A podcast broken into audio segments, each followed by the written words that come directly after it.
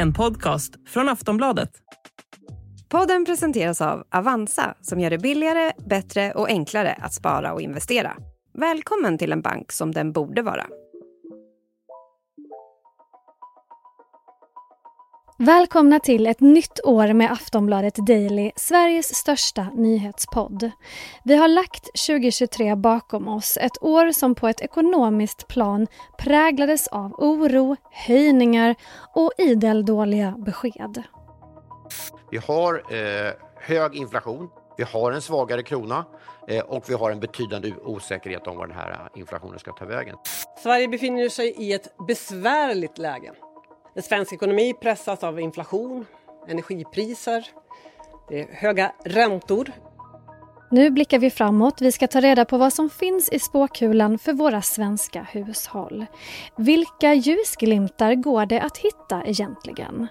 Och gäst i dagens avsnitt är Kristina Salberg som är sparekonom på Compriser. Jag heter Olivia Svensson. Hej Kristina! Hej! Nytt år. Är du optimist eller pessimist? Ja, alltså jag är obotlig optimist, alltid faktiskt. Eh, eh, jag tror att allting blir bättre och bättre även om det går upp och ner. Eh, däremot så är jag också alltid förberedd på att allt kan hända. Det kan bli mycket sämre än vad vi tror, så jag försöker alltid liksom vara garderad och ha en bra buffert och liksom vara förberedd på att det kan bli sämre. Men jag är optimist inför det här året. Ja, vi ska ju försöka prata om ljusglimtarna i dagens avsnitt. Det kan vi ju sannoliken behöva. Men vad lägger vi för år bakom oss rent historiskt, skulle du säga?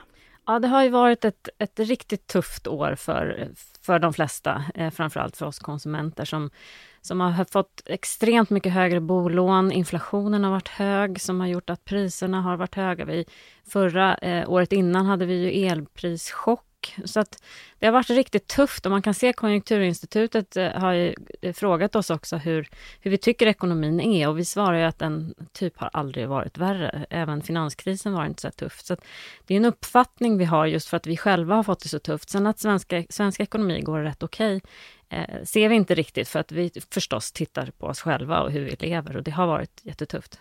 Om vi då går in på 2024, vad händer under det här året som vi känner till redan nu och som man bör ha koll på som kan påverka ens egen plånbok? Ja, det vi vet är att vi kommer få lite lägre skatt. Eh, för vi får både nya jobbskatteavdrag och sen så höjs grundavdragen med sån vanlig indexuppräkning. Eh, och det är samma sak med pensionen, så vi kommer alla få lite lägre skatt. Men kommunalskatten höjs i 13 kommuner, eh, vilket kommer göra då att det kanske tar ut varandra för de som bor där.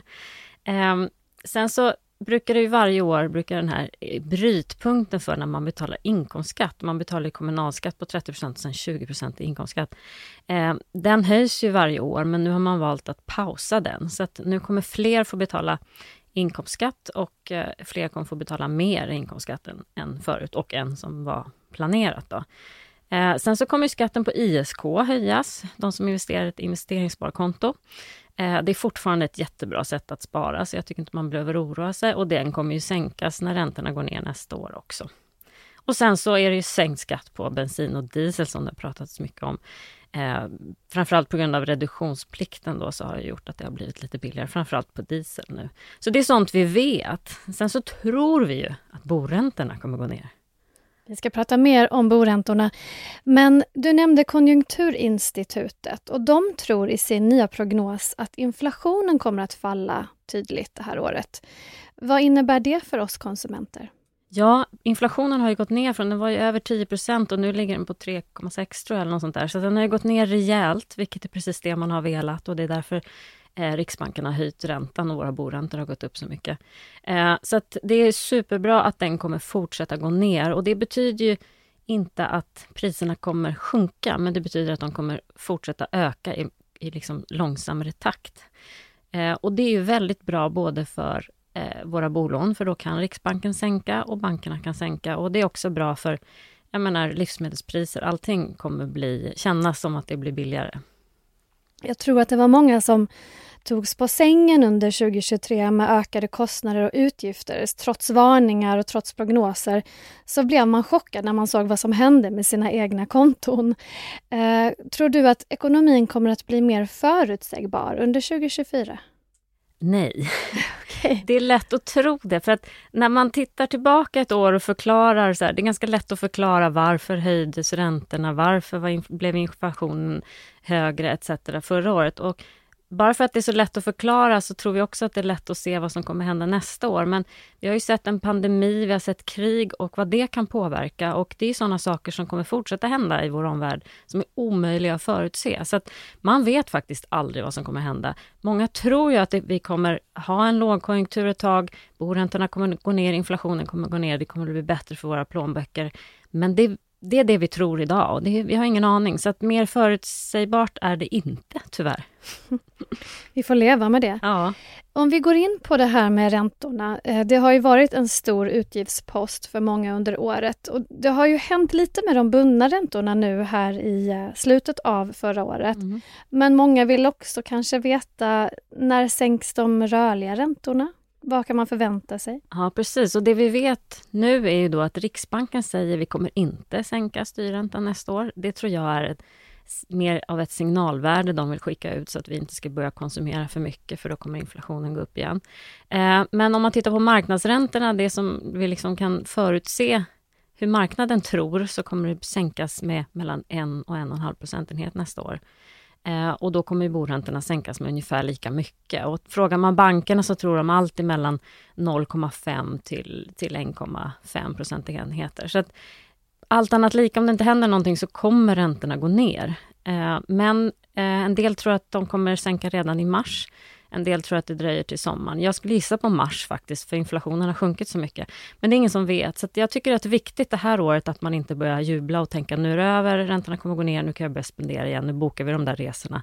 Utan håll i pengarna ordentligt ett år till är liksom mitt tips. Och då är vi ju inne på det här med konsumtion och vad man gör av med sina pengar på. Och det är klart att man drar ner eh, när man inte kan och när skruvarna dras åt. Det påverkar ju förstås också många branscher och jobb. Kan man förvänta sig någon vändning där ändå? När, om det blir lite mer stabilt? Ja men absolut, och, men ofta är det en liten eftersläpning på det här också. Så att, eh, det, man har ju sett att det har blivit lite fler konkurser. Eh, det är lite uppsägningar som händer och, så där, och det kan hända att vi kommer se det ett tag framöver nu innan det blir bättre.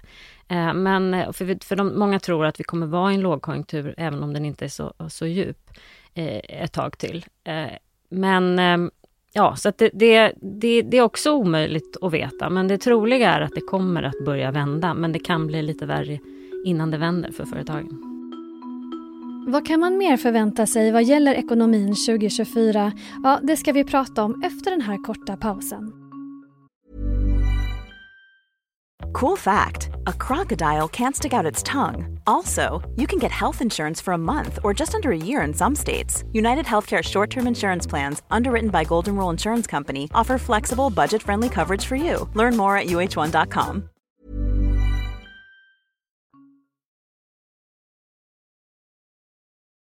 Och bostadsmarknaden då? Jag fortsätter här bara kasta på dig olika ja. områden där vi har varit utsatta kan man säga, eh, hushållen.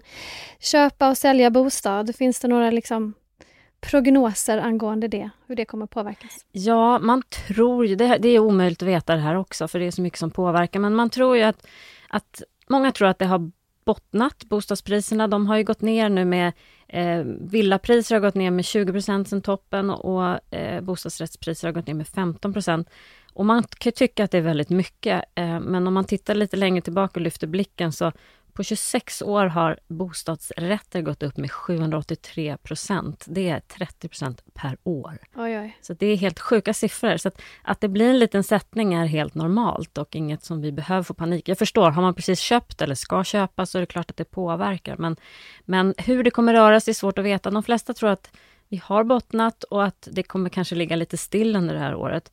Men det är också svårt att veta för att om det blir fler uppsägningar och en sämre konjunktur kanske många måste sälja och då blir det ett stort utbud och då kan priserna gå ner ännu mer. Så det är väldigt svårt att veta hur det blir. Men de flesta tror att det har bottnat och att det kommer ligga stilla i år.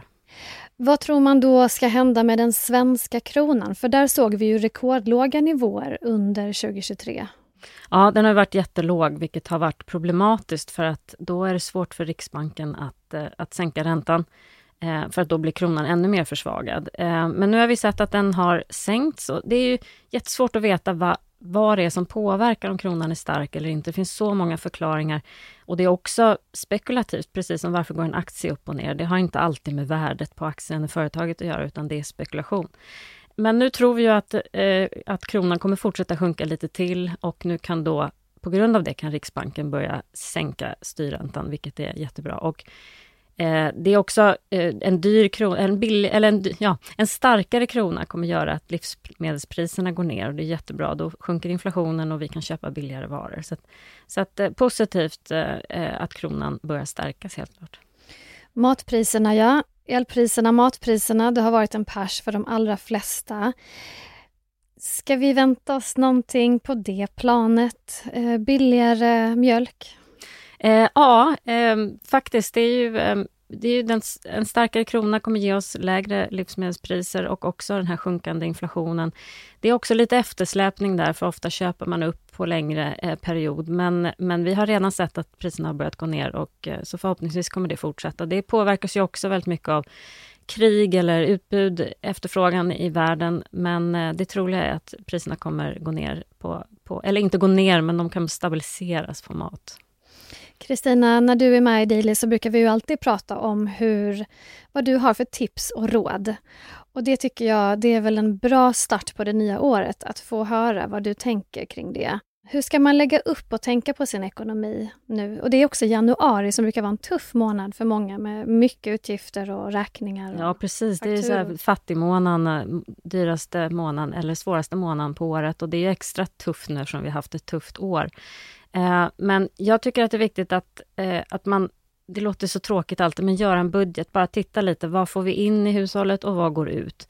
Eh, och sen tittar man på sina måsteutgifter, alla avtal man har, el och man, har, man måste köpa mat och allting, så försöker man sänka de kostnaderna. Det går ofta att göra ganska bra, till och med varje år, för ofta kan man spara in mycket där.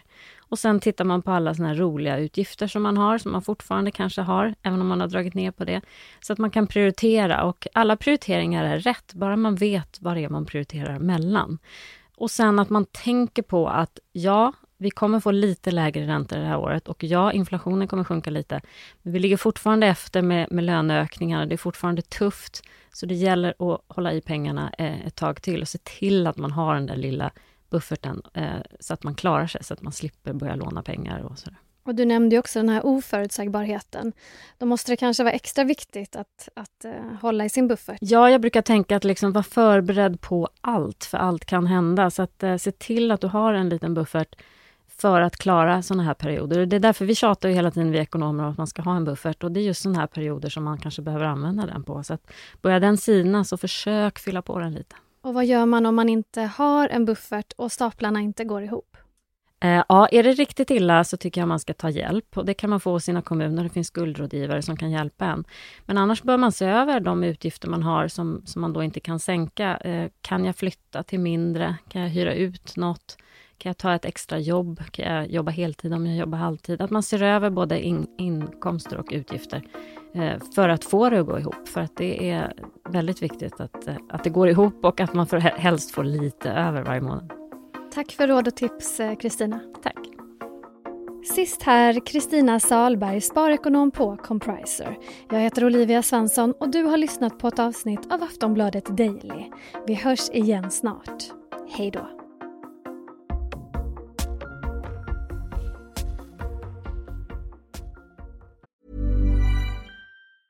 Hey, I'm Ryan Reynolds. Recently, I asked Mint Mobile's legal team if big wireless companies are allowed to raise prices due to inflation. They said yes. And then when I asked if raising prices technically violates those onerous two-year contracts, they said, "What the f*** are you talking about? You insane Hollywood ass."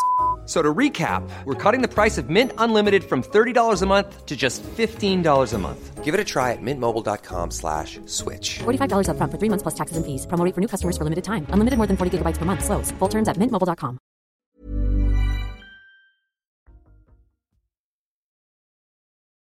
Du har lyssnat på en podcast från Aftonbladet.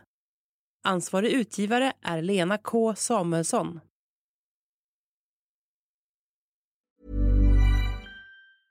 Tired of ads barging into your favorite news podcasts?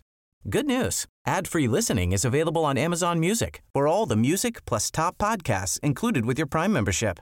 Stay up to date on everything newsworthy by downloading the Amazon Music app for free or go to amazon.com slash news ad free. That's amazon.com slash news ad free to catch up on the latest episodes without the ads.